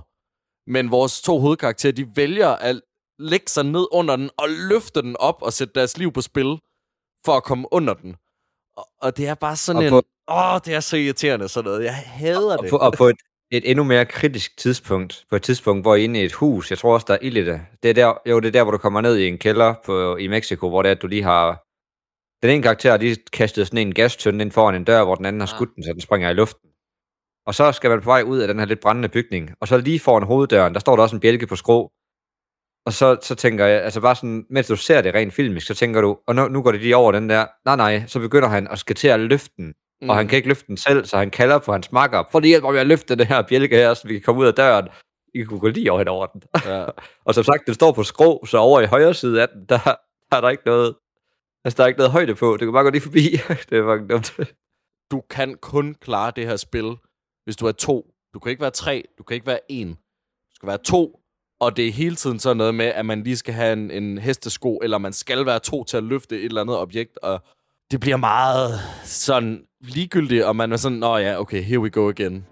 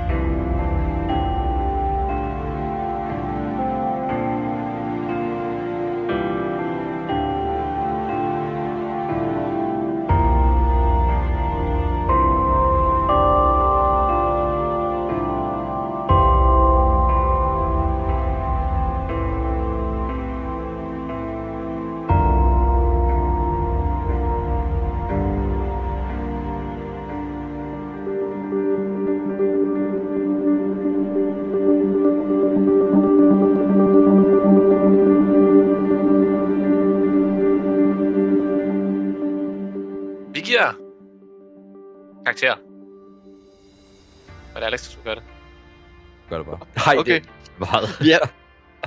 Vi giver karakterer fra 1 til 10 i øh, kate- kategorierne øh, øh, narrativ, historie og narrativ, og øh, mekanik og gameplay, og, øh, og så den, den sanselige oplevelse, altså det visuelle, det, det Mm, jeg kom med det. Auditive, Mm. følelsen, følelsen!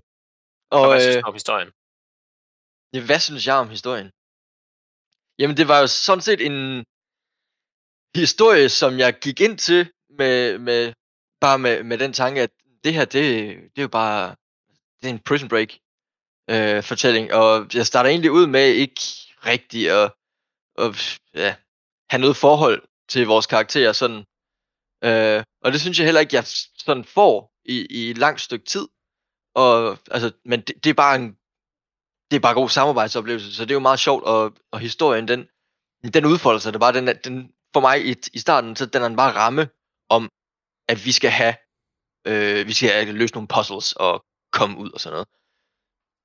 Så efter ikke lang tid, så har man sluppet ud af fængslet, og så, så står man jo der, og tænker, nå, men vi er jo ikke færdige endnu. Og derfra udvikler historien sig bare mere og mere til, hvad man tænkte, a way out, Nå, men det er jo bare en fængselsflugt så udvikler den der A Way Out sig lige pludselig til meget mere, altså en, en vej ud af, af, af ham Harveys greb, eller en vej ud af, ja, den, den kan ligesom overføres flere steder, fordi historien den udvikler sig lige så stille, og, og, og lige pludselig fra, hvor jeg i den første halvdel øh, ikke havde det store forhold til vores karakterer egentlig, øh, så lige pludselig, så udvikler den sig bare langsomt og langsomt og bygger op til, at, jeg, at vi står ved en afslutning, hvor, hvor jeg egentlig har en tår i øjet, øh, hvilket bare kom meget bag på mig i forhold til, hvordan jeg havde min oplevelse var i starten. Øh, så fordi den, altså, skulle jeg basere det på den første halvdel af, af, af historien, så lå jeg nok på en femmer, fordi den gjorde det, den gjorde, men, men, men den sidste halvdel, så ender jeg på en 8, fordi jeg er meget imponeret over, hvordan den, øh, den kommer igen. Så vi siger 8. Ja. Emil, hvad synes du om historien?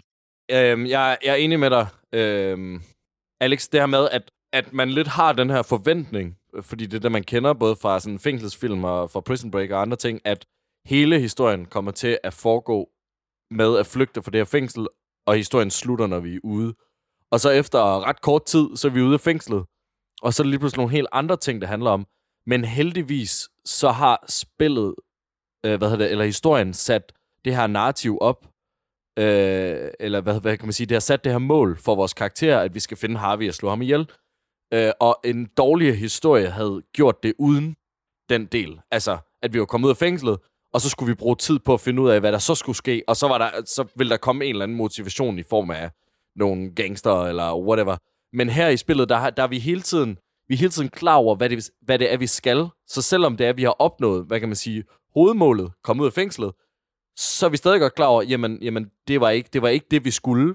Og øh, historien bliver ved med at øh, overraske mig og imponere mig.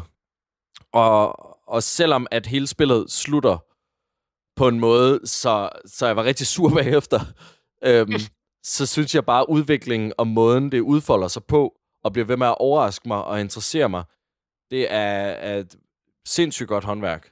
Så jeg, øh, men, men, men der, er stadig, der er stadig sådan en, øh, en frustration, og måske et ønske om, at man, man selv kunne have taget lidt flere beslutninger nogle steder. Men jeg, jeg, ligger, på, øh, jeg ligger på en 9'er. Johannes. Jamen, øh, jeg er fuldstændig enig. Jeg er dog øh, en karakter mindre imponeret, så 8 ud af 10. Victor? Super. så, så, det betyder, så det betyder 8, eller betyder det 7? Det betyder 8 ud af 10. Det var fordi Alex skal Jamen. 8, så det var bare lige. Så er du med. Yes. Jamen, Jamen, jeg, jeg synes også, at historien er rigtig fed. Jeg følte egentlig fra starten af, var jeg investeret og nysgerrig på, hvad der skete. Fordi at jeg synes... Jo, den, jeg, den der klassiske truppe med flashbacks, det keder mig altid en smule, fordi jeg synes, det virker altid så uoriginalt.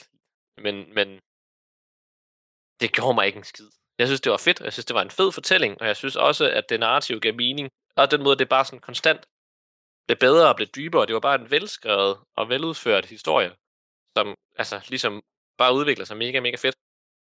Og det, ja, det kunne jeg godt lide. Jeg synes også, at øh, jeg synes, at twistet i slutningen, som vi kommer til, er øh, for også forventeligt, men, øh, men uundgåeligt et eller andet sted. Og jeg synes egentlig, at det, det passede rigtig, rigtig fint ind i, at der lige var det sidste S oppe i ærmet på, øh, på spillet, som, man, som bare var nice. Og det gjorde også mig sur. Og det første, jeg gjorde, der var at gå ind og se, hvordan det ellers skulle have endt. Men jeg synes ikke, at det er negativt, at det gjorde mig sur, fordi det betyder bare, at det var en god historie, jeg var investeret i.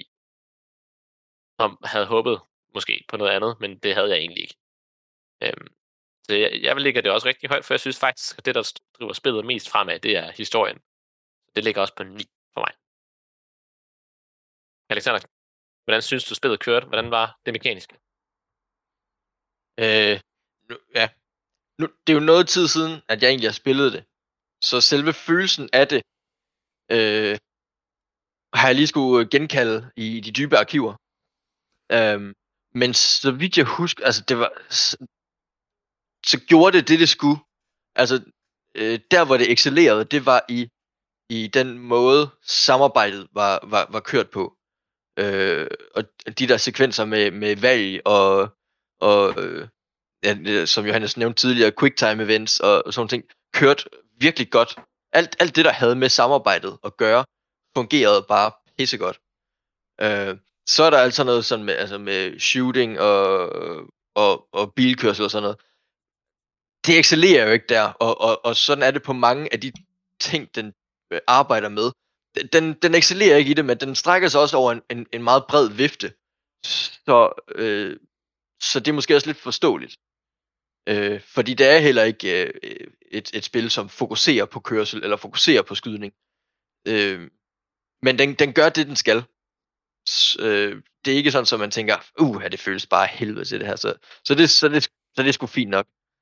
Øh, men, men ja, for mig, jeg tror ikke, det er der, den excellerer. Men den gør det relativt godt, og, og, og med og fordi det fungerer så godt på, på det samarbejdsmæssige plan, så ender jeg på... Åh, oh, jeg ligger med, mellem 6 og en 7'er, men jeg tror, jeg tror, jeg lægger mig på en 7'er. Det tager jeg som en uh, kompliment, Alex, at du synes, det fungerede rigtig godt på det samarbejdsmæssige plan. Ja, altså det var, det var spillets ramme. Af, jeg føler, det var hvordan det så blev udført i praksis. Det er så en anden historie. Nej, men øhm, jeg, jeg synes, at øh, jeg synes, det fungerede helt vildt godt der, var, der er ret mange momenter. blandt andet noget, hvor man skal sejle i en båd, og det er en, øh, det er en kano. Så det vil sige, hvis man nogensinde har sejlet kano, så er der en, der sidder foran, og en, der sidder bagved. Og den bagved har utrolig meget magt til, hvor den her båd ligesom skal hen. Øhm, og det er vanvittigt svært at styre. Og selv tredje gang, jeg gennemførte det her spil, var det umuligt at komme igennem uden at dø, i hvert fald to gange, fordi man bliver ved med at hamre ind i en side, hver gang der er et sving. Spillet er så ret tilgivende, og man får lov at starte sådan lige der, hvor det er, man dør. Så altså, det tager ikke så lang tid at komme igennem. Det er bare... Jeg tror ikke på, at der er nogen, der er kommet igennem den sekvens i, i første forsøg. Det er, det er simpelthen umuligt, lige meget hvor godt man koordinerer det. Øhm, så det, det er bare sådan... Den sekvens, det var meget sjovt tænkt, men, men jeg synes ikke, det var særlig godt udført. Og udover det, synes jeg egentlig, at mekanikken, når man sådan kører bil, det føles rigtig godt. Når man skyder, øh, jeg, jeg nød virkelig de sidste, øh, øh, hvad hedder det, shooter-sekvenser, og man kan få fat i en øh, sniper. Og der jublede jeg. Som altid, hver gang, at der er et spil, der tilbyder en en sniper, så er det der, jeg stiller mig, indtil der ikke er mere at lave. Altså, så, så øh, står jeg og laver headshots, og jeg synes, det, det fungerede vildt godt. Jeg, jeg har ikke, altså, jeg, jeg, jeg synes faktisk, det var bedre, end jeg havde forventet i den type spil her. Lidt ligesom øh, Johannes har nævnt øh, Man of Medan nogle gange, øh, så er det et eksempel på et spil, hvor at det ikke er i fokus, og det, øh, det accepterer man lidt, men det fungerer også af helvede til. Og det synes jeg ikke, det gør i det her spil. Det er ikke i fokus, men når det er i fokus, så synes jeg rent faktisk, det fungerer vildt godt. Så, men jeg ligger på en 8 der. Så skal jeg nok øh, gå videre der, og du snakker om, at det er umuligt at komme igennem første gang i den ro-frekvens. Det gjorde mig og Victor da, uden problemer. Nej, det er løgn, vi døde. Gør vi ikke det? Ja, det er det. Jo, jeg tror bare pisse for Emil. Men det er godt nok, at du holdt den så lang tid. Det gad jeg ikke, Jo. nej, men det, der synes Nej, jeg, at Emil er i sin fulde ret, for det var måske spillets værste sekvens, som jeg havde fuldstændig glemt. Ja, og jeg er også glad for, at du mindte mig på den, for det trækker næsten en hel karakter ned, for den sekvens, den er bare rigtig, rigtig janky. Også fordi, at, øh, også fordi, at du har politibiler ud over det hele omkring dig, og så øh, hopper I ned i en båd, og så er de væk. Mystisk vis. De kan simpelthen ikke køre langs bredden på sådan en, øh, sådan en sø. Det var måske mere til historien, bare, øh, ja, uh, flod, whatever. Jeg er træt. På den måde, det går ned ad bakke, så vil jeg også kalde det en, en flod.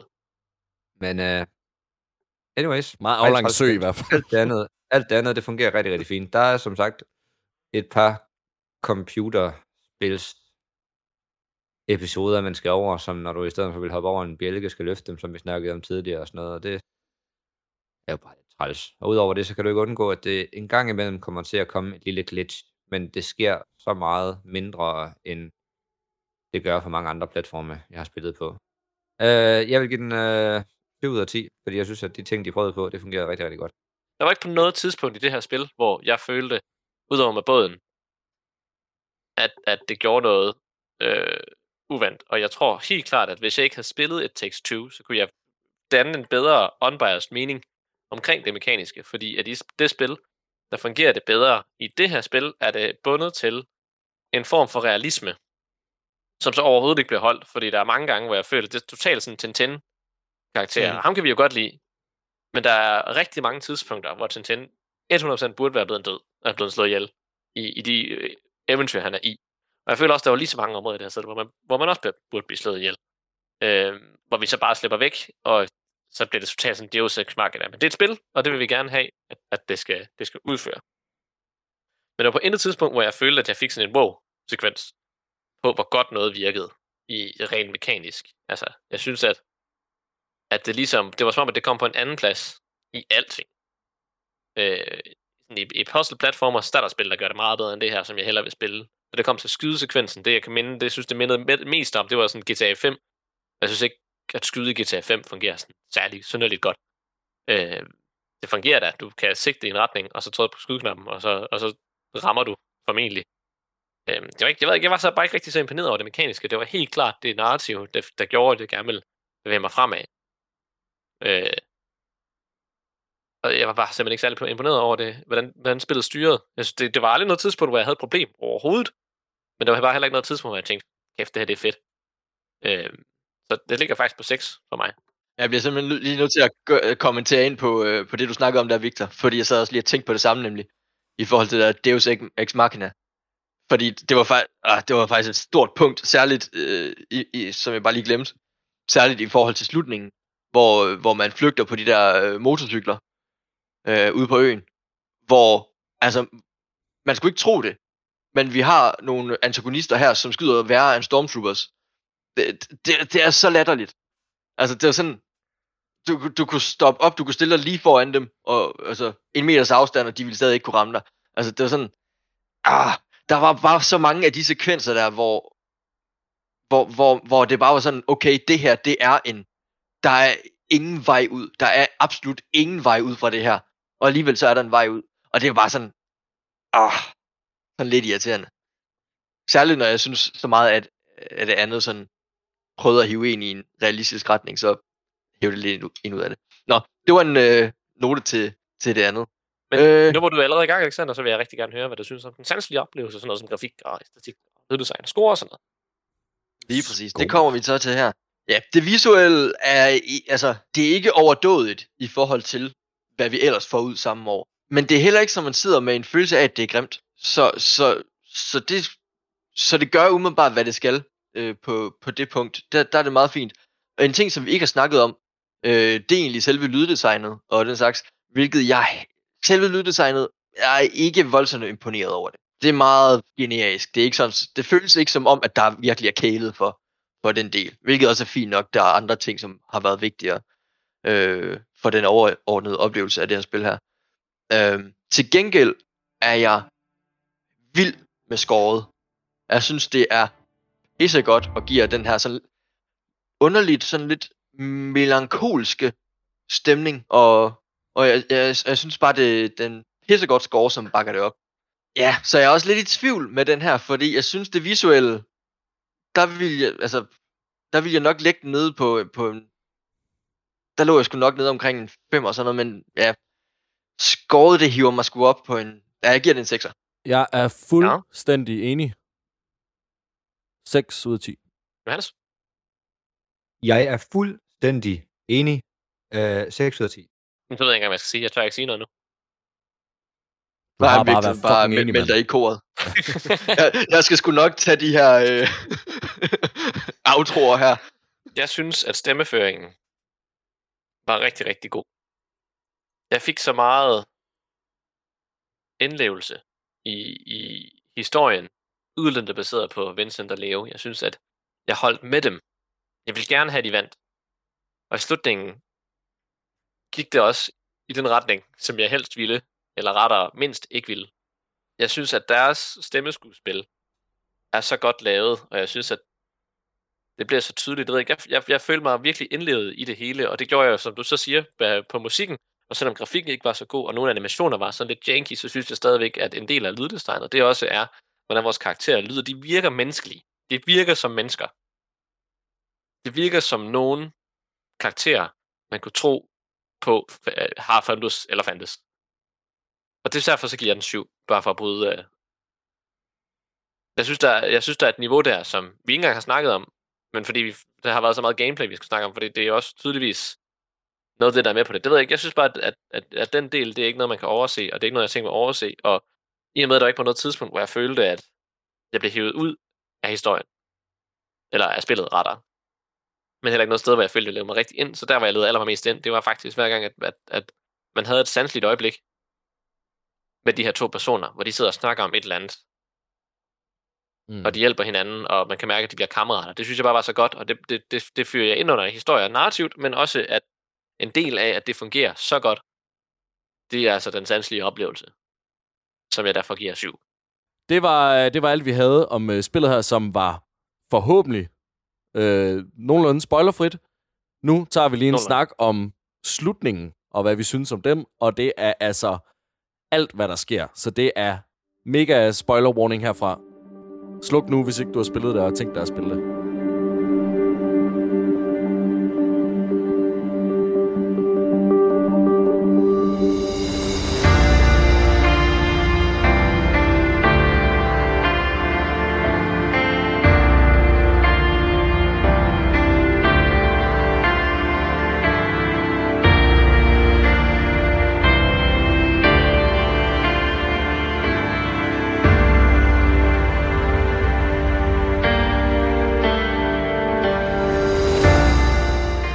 Jamen, øh, vi er på vej tilbage fra Mexico i vores flyver her. Og Leo har fortalt Vincent, at han synes som en undskyldning til hans kone på hospitalet, fordi at de har lidt en fortid, så skulle han skrive et brev til hende. Men det gjorde han engang til sin kæreste, og det løste deres problemer. Lige at få, få alle dine følelser ned på papir. Og de har jo en lang god flyvetur tilbage til American Grounds. Og lige så snart, at flyet så lander, så ruller det ud med betjente og la det der folk i uniform. Lys ud over det hele på landingsbanen. Og de er bare fanget. Og man tænker, ej, vores helte, de blev fanget. Og der er 100 politibetjente, der sigter på dem. Og så går den her politikommentær stille og roligt op, kigger på dem og siger, Well done, Vincent. Wait, what? tænker de så. Og så øh, får de lidt flashback til dengang, at Vincents bror døde. Vi har jo allerede fået et flashback til dengang Leo. Han blev forrådt af Harvey. Han skød den her øh, køber, som de havde, og efterlader Leo nede i undergrunden. Og det viser sig, at den her leverandør, eller køber, som de havde, det var så et, øh, et undercover coup af nogle politibetjente, og det var Vincents bror, som var sendt ind for at få fat i den her gemstone. Det var et... Som vi slet ikke har nævnt. Det var sådan en diamant, den never lige start. Ja, det er den, Okay. som, øh, som er den store diamant, ja. Og Harvey, han skyder så hans bror der. Og det vi jo så ikke ved, det var, at Vincent, han der sad udenfor i en øh, robrødsbil. Er det ikke det, man kalder det for? Et robrød. Og sidder og lytter med radio, og, og det hele det er overvåget, og det hele det er sat op. Og så hører han så hans bror blive skudt. Og ud fra det, så bliver han hævngærig. Man ser ham også sidde i et bag det, øh, det envejs Bonede glas. og, og ser Leo blive øh, en, hvad hedder det blandt? Interrogated. Afhørt. Og, afhørt. Ja, og så snakker han til hans chef om, at øh, han er sendt ind til, til fængslet, og var hele den her plan til, hvordan det hele skal løses. Så kort sagt, Så, så er Og i Vincent jo bare en, uh, ja, lige præcis. Så er Vincent jo bare en good guy. Uh, fast forward til i dag, hvor det er, at uh, politikommissæren de rækker ham en stol, og han peger den på Leo, og han siger bare, I'm sorry, Leo. Og man kan nærmest se i øjnene på Leo, at han er bare... Han har det ikke fedt. Det gik lige ud over hans bromance. Han, er, han har rimelig meget nederen på. Ja, men, og, og, Og når vi, når vi, når vi lige, lige står der, vi bliver simpelthen nødt til at røre ved, hvordan at det, det rører jo også os. Det er jo os, der er karaktererne. Det er jo os, der har, der har siddet og, og, og været dem hele vejen og, fuld, og fuldt deres rejse. Og på, og på nuværende tidspunkt jo faktisk er blevet øh, meget investeret i, i de to karakterer. Og, og det bånd, der er blevet bygget. Og nu står de lige pludselig. Nu står den ene med en pistol til hovedet på den anden. Ja, og jeg, vil, Åh. jeg, synes, jeg synes, det stykke skuespil, det fungerer pissegodt, fordi at lige efter, at han bare er blevet såret, og hvordan fanden kunne du gøre det for mig, så kan man virkelig forstå, at alt den sådan sorg og øvhed, den bliver bare vendt om til vrede, og han bliver fucking rasende nu. Altså Leo. Og han øh, nupper pistolen, og får taget et klag på, øh, på Vincent, og så siger han, øh, væk, ellers så bliver jeg knuppen af dig. Og at der så ikke lige er nogen, der kan skyde ham i baghovedet, det, ja, ja, det er jo til Magna. det er spil. Ja. Tintin, Igen. Tintin. Og Tintin. Ja, men de kommer i hvert fald ud i en politibil, og så har de den her sekvens her, hvor de, øh, de råber lidt af hinanden. Og Vincent, han er sådan meget, du kan jo ikke slippe væk fra det her. Han er sådan meget laid back, på trods af, at han sidder i en bil i fuld fart, flugter og pistol op mod hovedet. Han er sådan, stop nu bilen. Der er ikke noget at gøre, og, og det er det jo sådan set heller ikke. Jeg tror, de kører ud over en bro ned i noget vand. De falder ja, det gør de også. Og så, øh, så skal de begge så ud af, af den her bil her, og så bliver det ligesom splittet op, og i det, det bliver splittet op, så får vi lige pludselig sådan en lille split screen igen. Og så er det katten efter musen. Vincent i helikopter og Leo i vandet. Og øh, I springer bare ind, hvis øh, jeg skal stoppe med at fortælle alt det, der Ja, sker. altså, jeg, jeg, Meget jeg, ved ikke, om, gennemgang. er det virkelig sekund for sekund? jeg, jeg tror, altså det, det, det uh, hovedpunkterne, jeg vil, jeg vil fremhæve i den sekvens, det er, at, at lige pludselig så er sådan, the table has turned i forhold til, at vi har skulle samarbejde hele vejen igennem, som vi snakkede om. Lige pludselig, så er det altså mere traditionelt. Vi, altså, som du siger, vi får en split screen, og så er vi altså mod hinanden. Så handler det om, så får vi nogle sekvenser, ja, der er en, en uh, helikopter chase, men ellers så uh, hoveddelen foregår inde i sådan et lagerhus, hvor det bare er en, en shooter. Altså, hvem, hvem får skudt den anden først? Hvem får Ja, den andens ja. health bare ned? Øh, Når man har så Kun meget Vincent. liv. Kun Vincent mod ja, Leo. Alle virkelig. andre politibetjente, de er simpelthen forsvundet fra jordens overflade. Det er kun de to. Det er jo det her, vi alle sammen havde ventet på. Hele spillet. Endelig mig mod dig, og nu skal vi se, hvem der er bedst. Ja, det, Øh, hvilket, det er ikke hvilket noget, man sidder og venter det på. har ikke... Øh... Nej, det synes jeg stat med heller ikke. Ah, okay, det er fair nok. Jeg, jeg, jeg, jeg spiller Call of Duty. Øh, men det er fuldstændig lige meget, hvem der er bedst. Der er tre shootouts, hvor det er, at øh, I skyder hinanden, og så kommer der en lille cutscene, skyder hinanden, cutscene, ender op på taget, skyder hinanden. Det er lige meget, hvem der vinder de shootouts, og lige meget, hvem der har lavest HP. Fordi de kommer til sidst i sådan en øh, standoff, hvor det er, at de smider geværet, og så handler det om, hvem der kan trykke hurtigst på en knap, og selv den sekvens er ligegyldig, hvis det er, at man vinder indtil du når til den aller sidste sekvens, hvor der I skal spamme på en knap. Og det er den eneste, der er vigtig, for den, der vinder, den vinder det hele. Så du kunne have tabt alle de andre sekvenser. Hvis du vinder den aller sidste, så, så vinder du sekvensen. Og det er bare spam X for at kravle hen mod øh, den sidste pistol. Det synes jeg er lidt ærgerligt, som I måske kan høre. Men det lyder altså, lige også en lille smule indebrændt. jamen, jamen, det er jo, det er jo sådan, Jeg er også lidt på sidste, på sidste forsøg, fordi jeg vandt to af de tre shootouts, og så tabte jeg, men det er fucking irriterende. Spillet har jo sat det op sådan hele tiden, øh, at man, man skal have sådan en, hvad kan man sige, en øh, emotionel kobling til dem øh, begge to. Men jeg har i hvert fald, i de tre gange, jeg har spillet det igennem, har, der har ikke været noget tidspunkt, hvor jeg er i tvivl om, hvem jeg synes, der skulle vinde.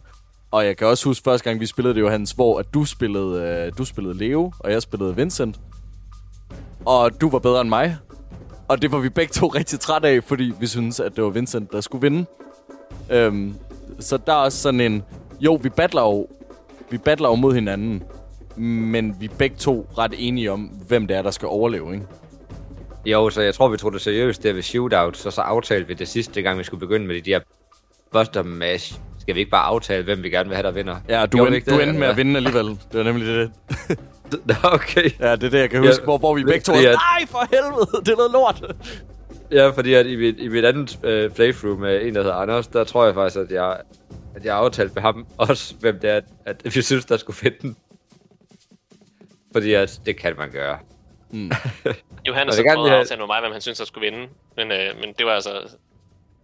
Det var altså ikke sådan, det skulle foregå. Jeg prøvede at spørge ham, om, øh, om er der en, du helst vil have, eller skal vi bare gå over Altså, jeg, jeg vidste godt, hvem jeg helst ville have kunne vinde. Men, men derfor så skulle det ikke ændre på, at, at det skulle være gameplay-fordel. Så hvem, hvem synes Nej, du, ja. der skulle vinde, Victor? jeg synes, det er Ja, Leo, vinde. Du synes, det var Leo? Jeg synes, Leo er en fucking scumbag. Okay, Victor, vi har siddet og snakket om det her. Jeg var sikker på, at vi var enige om, at det var, at det var. Vincent, der skulle vinde. Men Jeg har også set Vincents slutning. Jeg synes, at det er Leo, der skal vinde. Altså, jeg synes, synes, at... jeg synes, at han har den mest impactfulde øh, slutning, hvis han dør, hvis Vincent dør. Man spiller jo ikke, man spiller jo, altså, uden at vide slutningen, uden at vide den ene eller den anden slutning, gennem spillet, synes jeg, at på hvad spillet viste mig og fortalte mig, og på de emotionelle baggrunde, spillet viser mig og fortæller mig, hvem jeg synes, der skal vinde, så synes jeg, at Vincent er, er det mest retfærdige overfor, at han skal vinde. Det for det første, så, så bliver han snydt gang på gang på gang i et rimelig hårdt liv. Altså Leo. Ja, undskyld, Leo. Ja, bliver snydt gang på gang i et rimelig hårdt liv. Tak. Vi lever med næsen. Øh, der er også den, næsen. han har en lige så stor næse, som jeg har, så derfor så var der jo selvfølgelig også en emotionel øh, indflydelse derfra. Du var fandme en flot næse, Øh, Victor. Men jeg, jeg, tror, jeg tror lige præcis, som du siger, at det er det, spillet gerne vil have. Og jeg tror også, det er derfor, at det er nemmere at vinde den der button mash out, hvis der man spiller Leo til sidst. Det er har- der dårligt. Og jeg tog faktisk en det sammenligning. Jeg tog faktisk en sammenligning, og så tog jeg slutningen og spillede den selv ene og trist.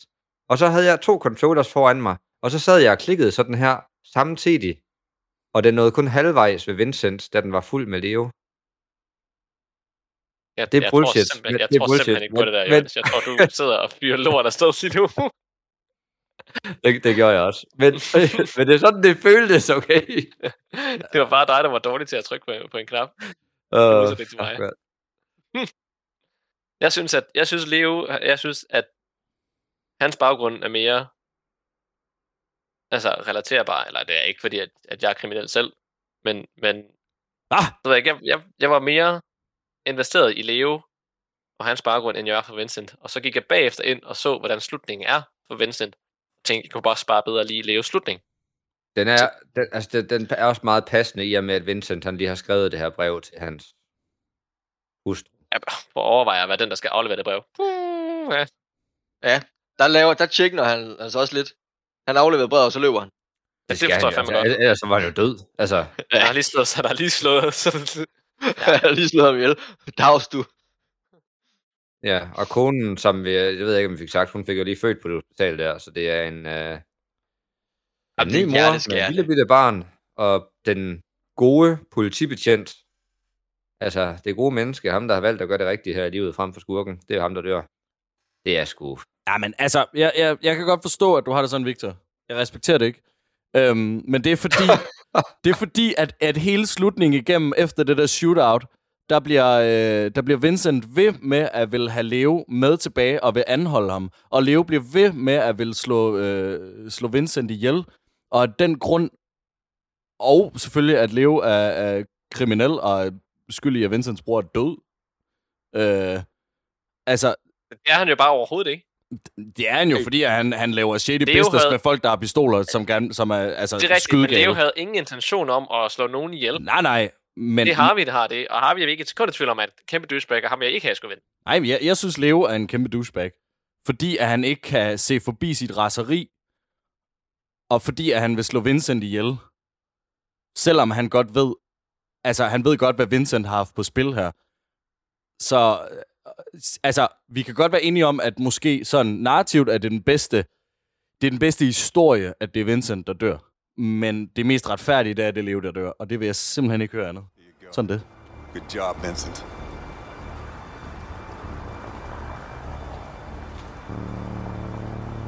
I'm sorry, Leo.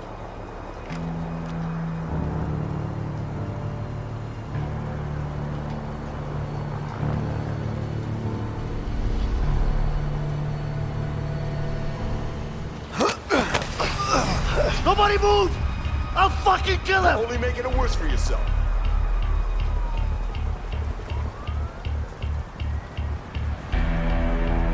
Take it easy. Take it easy, Leo. Shut up! You don't have to do this. You're gonna pay for this. Get in the fucking car. Go!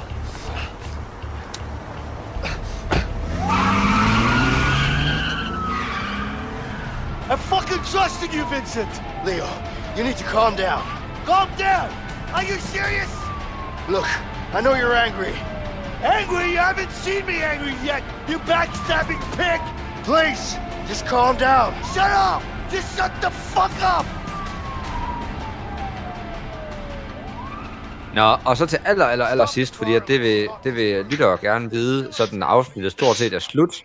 Det er, at øh, to ud af fire af os, vi har hyper-internet, og det er jo nede i hele landet i dag, det kan I sikkert godt huske her den, den øh, May the 4th øh, i 22. At der gik det ned, så vi spiller sådan lidt med, snakker med rigtig dårligt internet. Det Altså, ved jeg ikke, om ja, ja, man kan høre for det. Nej, et fordi jeg har tidspunkt, klippet det og- hele og til, det var så det, man ikke skulle- kan høre det. Men, øh, men det er Det er fint. godt, Emil. Men ja, Alec, den skulle, jeg, den skulle jeg lige snige med ind der, ikke? Men kan du ikke lige plukke os, øh, Johannes? Vi er på Facebook. Følg os på Facebook. Skriv en kommentar til, hvad I synes om spillene. Spil eventuelt et spil, som øh, der er uundværligt for jer at skulle spille. Og så øh, kunne det jo være, at vi lige gav det et kig. Som for eksempel her, efter den her snak her, der vil tre af os sætte os ned og se en lille short story om øh, Ezio Auditore. En lille 27 minutters video, der ligger på YouTube. Som vi ikke havde kendt til, hvis ikke det havde været for en af jer lyttere. Så tak for det. Jeg, jeg bliver simpelthen nødt til at kommentere på, Tak. hvor chokeret jeg var over, over at I to Assassin's Creed nørder ikke kendte til den. Ikke lige så chokeret, som jeg var, Alec. Er du klar over, hvor meget jeg har googlet og læst på forums om de fucking spil i overvis, og jeg anede ikke, at den video fandtes. Det gør det sjovt. meget Og- imponerende, faktisk. Ja, Ja, det og er det, vildt. og det, sjove her, det sjove her er lidt, at nu... Prøv at der Ja. var et helt spil, vi var gået glip af, Alex. Vi, ingen af os kendte til Assassin's Creed Rogue før for hvad, et år eller to siden, hvor jeg faldt over det, fordi man fik det foræret inde på Ubisoft eller sådan noget, så gennemførte jeg det og ringede til Johannes og sådan, det er det bedste Assassin's Creed, jeg nogensinde har spillet, og vi anede ikke, Og jeg har stadig ikke spillet det, fordi det udkom på samme dato som et af de andre. Jeg har simpelthen udgivet to spil på samme tid. Det er så rodet. Åh, oh, det, det, det er fandme godt, vi kører dem igennem. Vi er fandme nogle altså, dårlige nørder. Jeg, jeg, ved, jeg ved heller ikke, hvad de laver. Nå, jeg, vil gerne lige, jeg vil gerne lige sige på vegne af de tre Assassin's Creed-nørder. Tak til Seba Hansen for at fortælle to af dem. at der findes en, en video på YouTube fra Mathias. Over now.